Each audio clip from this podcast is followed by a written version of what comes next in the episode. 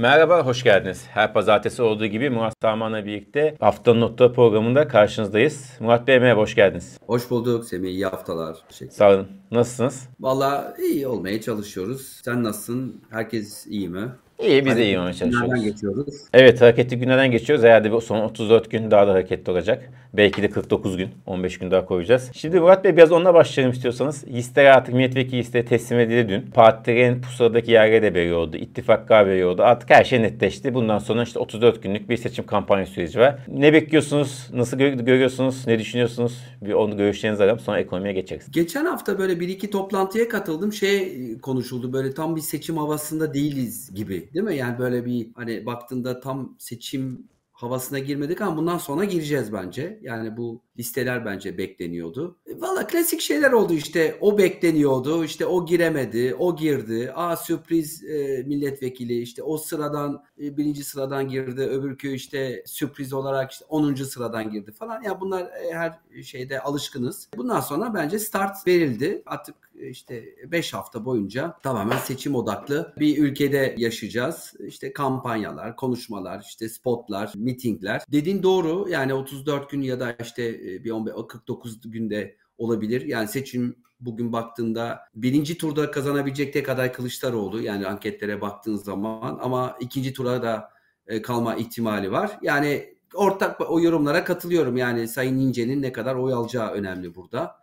Ona göre birinci turda mı ikinci turda mı seçimi göreceğiz. Piyasalar açısından da söyleyeyim daha seçim fiyatlaması falan yok ortada. Çünkü yani daha yeni yeni başlıyoruz. Belki de son 1-2 hafta yani anketler biraz daha netleşirse o zaman bir seçim fiyatlaması görebiliriz piyasalar açısından. Evet dediğiniz gibi tam bir seçim atmosferi yok. Bunda tabii depremin etkisi var.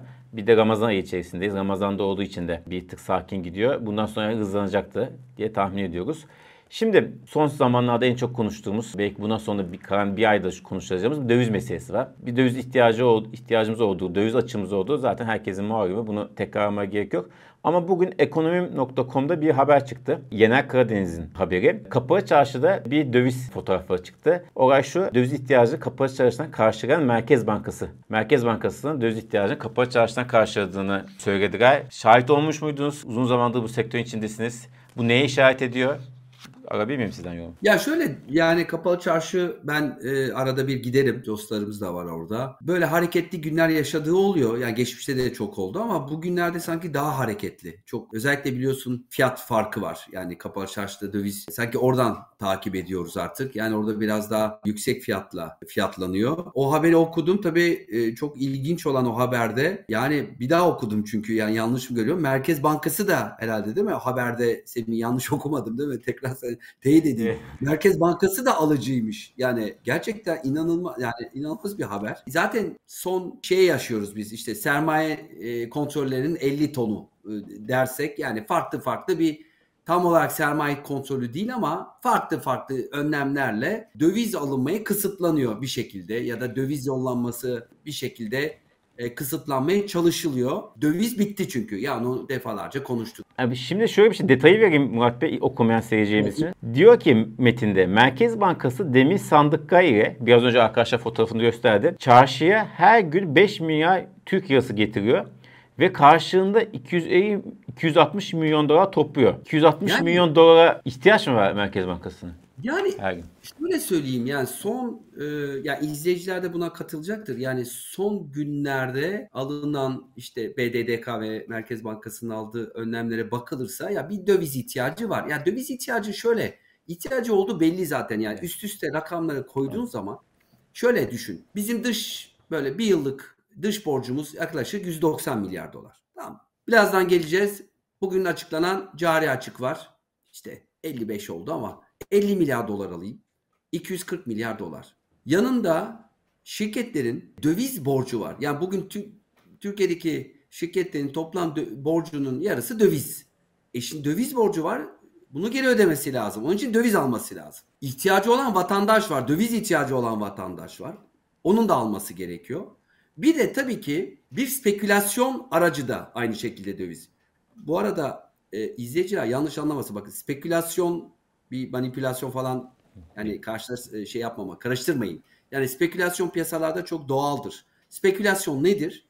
gerçek anlamda daha yükseğe satmak için bugünden almak. Seçim sonrası, seçim gecesi, ikinci tur olursa iki tur arası işte buralarda dövizde bir hareketlilik yaşanabilir. Vatandaş da bundan faydalanmak için ya da belki de şirketler döviz alabilirler. Bu normaldir yani sonuçta. Ben Semih birkaç hazineciyle görüştüm geçen hafta. Yani şöyle banka hazinecisiyle. Dövizde neredeyse satıcı yok diyorlar yani. Herkes alıcı şu anda. Herkes tek taraflı yani. E öyle olunca tabii kuru tutmak için tabii rezervimiz de kalmadığı için onu işte dediğim gibi konuştuk. Yani işte bir 128 milyar dolar gitti işte hatta onun sloganı çıktı 128 milyar dolar nerede diye. Sonra bir biliyorsun bir 128 milyar dolar daha satıldı. Şimdi eksi 50 milyar ortalama da e, eksi rezervdeyiz. E baktığın zaman da e, onun için e, Merkez Bankası'nın döviz ihtiyacı var mı? Var. Yani şimdi bu döviz nasıl gelir? Yani işte borçlanırsın, e, e, portföy yatırımı gelir, işte doğrudan yatırım gelir, ihracattan gelir. E, şimdi evet bunlar gelebiliyor ama e, ihtiyacımız çok daha e, fazla e, ve bu dönemde e, yabancı yatırımcı da yok. Yani gelmiyor. Hem doğrudan yatırım yapmıyor hem işte portföy e, yatırımları Yapmıyor. işte hisse senedinde olsun, tahvil olsun yatmadığı için döviz fazla döviz ihtiyacımız çok daha fazla bu dönemde. Evet. Şimdi döviz ihtiyacımız demişken bugün açıklanan bir e, veriyi de paylaşırım. Cari açık 10 yılın zirvesinde. E, Şubat'ta beklenti aşarak 8.78 milyar dolar oldu cari açık. E, 12 aylık cari açık 55.4 milyar dolar. Bu da 12 senenin en yüksek yıllık cari açığı. Şimdi döviz ihtiyacı demişken tabii bundan da bahsetmemek olmaz. E, ihtiyacın bir sebebi de bu açıklar değil mi? Tabii. Yani işte 55 milyar dolara geldik. 8.8 aylık. Ben şeye baktım. Yani e, gayri safi milli orana bakmak lazım. Yani büyüklük önemli ama bir de e, senin işte ekonomideki büyüklükteki oran nedir diye 5.9. Şimdi 5.9 Semih şöyle çok eski dönemde yani böyle bir eski Hazine Maliye Bakanı Lawrence Summers da böyle bir Meksika'da bir toplantıda şöyle demişti. Hani yüzde beşin üstünde e, eksi beşin üstünde cari açık ülkeler için riskli hale gelebiliyor demişti. Bir, birkaç yerde böyle e, söylemler oldu. Yüzde dört, beş, eksi dört, beşin üstünde e, sıkıntılı e, olabilir diye. Şimdi eksi 5.9'a geldik. Yani yüksek bir cari açığımız var. Rakamsal olarak, nominal olarak. Bir de oransal olarak gayri safi milli hasıla oranı da e, yüksek. E, dediğin gibi e, son zamanların en yüksek e, cari açığına sahibiz. Fakat şöyle söyleyeyim.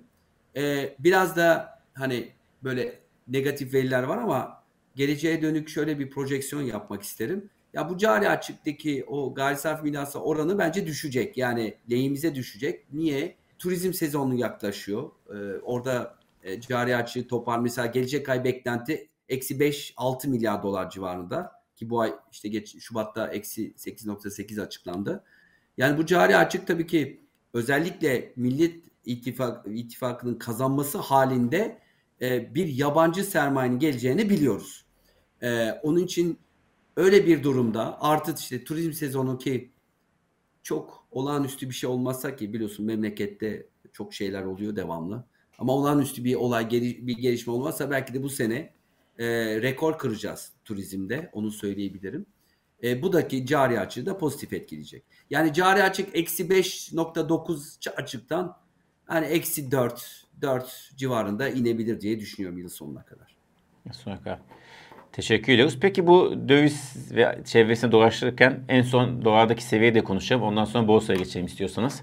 19.27 ee, biz bu yayını yaparken, çekerken bu videoyu. Ee, burada ne beklersiniz? Valla yani az az art, artabilir herhalde. Biliyorsun 18.60'larda 18.70'lerde bayağı dire, şeye kaldı. Sonra bir 19'a geldi. Şimdi 19.25, 19.30. Hani seçime kadar belki de 20'ye gidebilir. Yani 20'nin altında gideriz gibi düşünüyorum. Şimdi e, sen de çok değerli e, yorumcularla konuşuyorsun. Yani e, bir kısım kur seçimden önce patlayabilir evet. diyor biliyorsun. E, öyle bir şey var. E, bazıları diyor ki yani e, seçime kadar tutulur kur diye. Ben de bilmiyorum ki yani şöyle düşünüyorum. Yani bu kadar üç kaç yıl boyunca kaç yıldır bu kuru e, tutmaya çalışıyoruz. E, yani bir 35 gün kalmış, 34 gün kalmış. Yani e, sanki e, seçime kadar. Çünkü ya, kurun patlaması tabii ki e, iktidar e, tarafını e, çok ciddi e, zarar verir şey anlamında. Yani bir, bir em, kur biliyorsun tüketici güvenini de aşağı getiriyor. Bir e, kriz havası evet. da yaratıyor. E, işte ekonomide bir sürü sıkıntılar var ama kur, kur sabit olunca insanlar biraz bizim biliyorsun bizim memleket biraz daha kura çok endeksi. Onun için sanki kur tutulabilir gibi ama dediğim gibi e, e, çok mesela birkaç meslektaşım da bunun bayağı tersini düşünüyor. Yani dayanamaz kur bir yerde patlar diye düşünüyor. Tutmaya çalışacaklar diye söyleyeyim ben seçime kadar. Evet zaten artık iş bayram da var da iş günü iyice azaldı. Onu da söyleyeyim. Aynen. Yani Aynen. Çok e, tutma, tut, yani tutulmaması çok büyük sürpriz oldu. Çok büyük gerçekten. Aynen.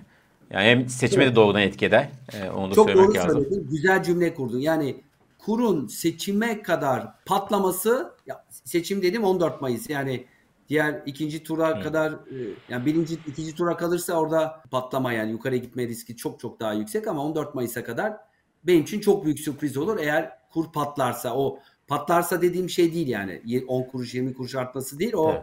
hatırlarsın o 21 Aralık 2021 öncesinde yani kurun 8'den 18'e gitmişti onun gibi bir şey yani. Şey. Evet. Bu arada bu arada e, kur konuşurken şimdi şeye geçeceğiz. Şimdi biliyorsun yabancı kurumlar bayağı bir araştırma e, yayınlıyorlar. Yani ben böyle bir özetleyeyim. Yani bizim buradaki amacımız 20 dakika. Önce Murat Bey, e, önce şunu sorayım aynı konuyla ilgili. E, çok fazla rapor var. Her hafta birkaç evet. tane yayınlanıyor. E, bu yoğunluk, bu ilgi e, siz daha önce karşılaştınız mı? Ne zaman olur? İşte bu bize bir şey işaret veriyor mu?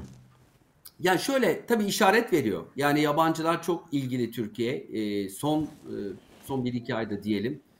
E, yani benim işte şu anda ilgilenen bir e, e, yatırımcıyla görüştüm mesela. Bir 6 ay önce bana şey demişti. Ya yani şu anda Türkiye ile çok duymak istemiyoruz diyen bir yatırımcıydı. Şu anda ilgiyle dinliyor, ilgiyle bakıyor. Ee, tabii ki çünkü bir değişim ihtimali var. İşte ortodoks politika dönme ihtimali var. Bir yatırım fırsatı ihtimali var. Ee, onun için değerlendirmeye çalışıyorlar. Şimdi tabii bütün dünya karışık. Türkiye'de bir fırsat. Ee, çok önemli bir ülke. Büyüyen bir ülke. Genç nüfus.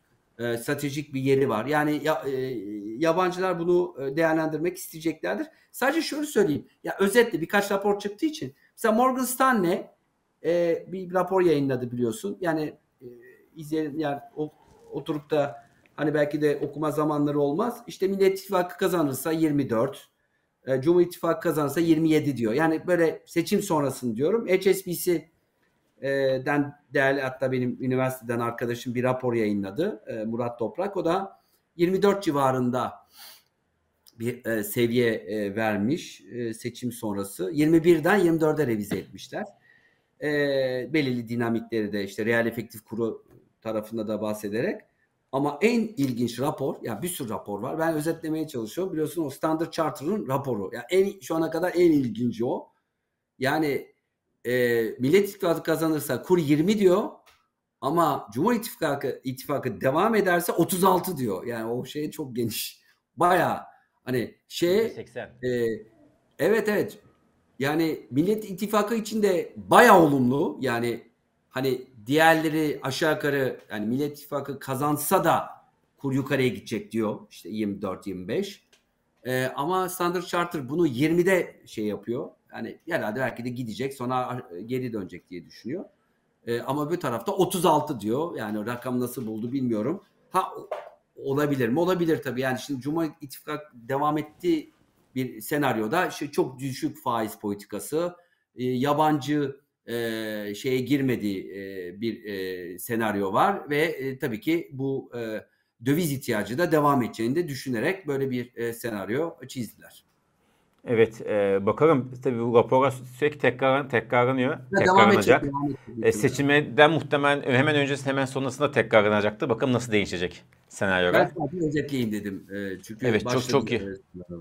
Evet, en çok konuşulan şeylerden birisi de bu. Çünkü herkes de tabii kendi hem tasarrufunu hem e, yatırım e, kararını buradaki rapora göre de dizayn ediyor. O yüzden önemli gerçekten. Teşekkür ederiz. Peki buradan borsaya geçelim. Borsa sizin e, sürekli her yayında belirttiğiniz 5000 sınırında tam şu anda 5000 biz bu yayın yaparken. 5007. E, neye gidecek? Yukarı mı aşağıya mı onu sorayım.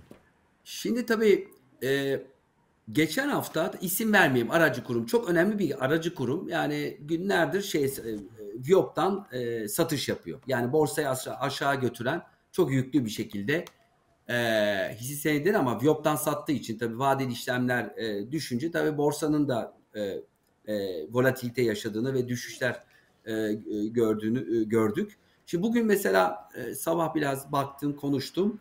Yani o satışlar durmuş gibi. E, tabii o satışlar durunca da hani ağır satıcı e, durunca bu sefer yani tepki alımları geldiğini görüyoruz. Yani şu saatlerde dediğim gibi hani ortalama yüzde bir buçuk civarında bir artış var. 5000'lerin üzerinde tutunmaya çalışıyor. 5000 çok kritik ki 5000 üzerinde kapatabilirsek e, işte bugün yarın muhtemelen yine 5100 5200 seviyeleri test edilebilir ama e, biliyorsun geçen hafta da söylemiştim.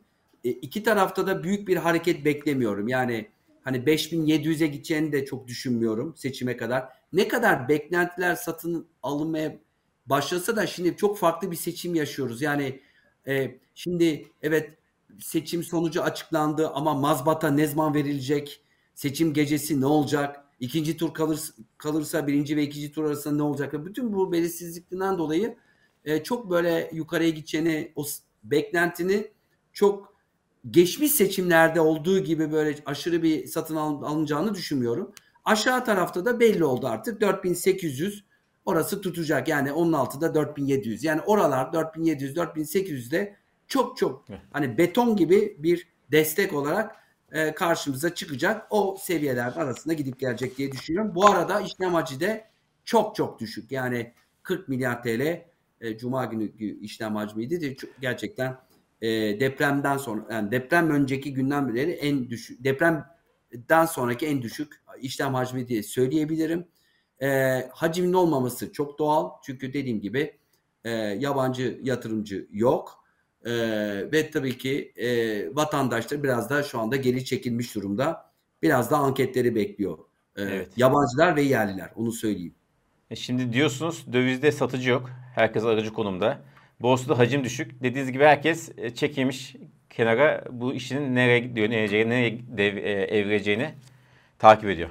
Herhalde... Bugünkü alışlar yani bugün şu biliyorum işte e, bugünkü alışların daha çok tepki alışı tepki. olduğunu söyleyebilirim. Evet. Herhalde anketlere bakacak dediğiniz gibi insanlar ama anketlerde de bir şey çıkmazsa seçime kadar bu böyle gidecek gibi gözüküyor. Aynen. Aynen çok başta ya anketlerde çok bariz bir şey çıkacağını bilmiyorum ki yani çok düşünmüyorum yani ne, ne değişecek ki şu 2-3 haftada. Ee, evet yani anketler gelecek ama yani e, anketler biliyorsun %100 çıkmıyor. Yani Çıkmıyor, anketler tabii. çıksaydı zaten Brexit olmazdı. Evet. Biliyorsun. Yani. Evet. Yani. Peki e, şimdi süremizin sonuna geliyoruz e, Murat Bey. Önce sizden kısa bir altın yorum alayım. Ondan sonra haftanın e, en önemli verilerine bakacağız birlikte. Altın evet orada da 2000 dolar biliyorsun kritik seviye. Ee, yani altında merkez bankaları altın almaya devam ediyor. Bu önemli bir gelişme. Ee, yani son yıllardaki en önemli alışlarını yapmaya devam ediyorlar ki bizim merkez bankamız da e, altın alıyor. E, onun için yani 2000 kritik bir seviye. E, orası herhalde ileride destek olacak ve e, altındaki yükselişinin e, devam edeceğini düşünüyorum senin. Çok teşekkür ediyoruz ve haftanın öne çıkan e, verilerine bakıyoruz. Şimdi grafiğimiz gelecek. Ondan sonra sizden de buyurun. Evet yani işte ya sanayi üretimi var. Ee, yani çarşamba bence e, en önemli veri tabii ki ABD'deki enflasyon olacak. Bence yani haftanın en önemlisi verisi. E, aynı aynı zamanda da tabii Fed'in e, tutanakları açıklanacak ki o da gelecek 2-3 e, Mayıs toplantısı için çok önemli olacak. E, bir dahaki Fed toplantısı 2 ve 3 Mayıs ve 3 Mayıs'ta e, karar açıklanacak. E, 5.3 enflasyon bekleniyor çarşamba günü. E, aslında e, bir önceki aylara bakarsak olumlu bir beklenti. E, bir önceki ay 6 idi enflasyon Şubat'ta. E, Ocak'ta da 6.4'tü. Onun için hani beklenti civarında çıkması e, bende şöyle bir yorum olacak haftaya muhtemelen Fed 2-3 Mayıs'ta 1.25 bas puan yapabilir. Yani şu anda fiyatların yani fiyatlanmaya başladı 25 bas puan. Ondan sonra e, faiz arttırımı sayfasını kapatacak. E, yazı geçirip ve ondan sonra da belki de son çeyrekte faiz indirimlerini konuşacağız. Onun için çarşamba günkü veri çok önemli olacak. Takip ediyor olacağız. Haftaya size onu da konuşuruz. Ne açıklandığını, nasıl etki edeceğini. Çok teşekkür ederiz Murat Bey. Çok teşekkürler Semih. Tekrar Hem size hem seyircilerimize her pazartesi olduğu gibi yine gündemi çok güzel yorumladınız. Haftaya görüşmek üzere.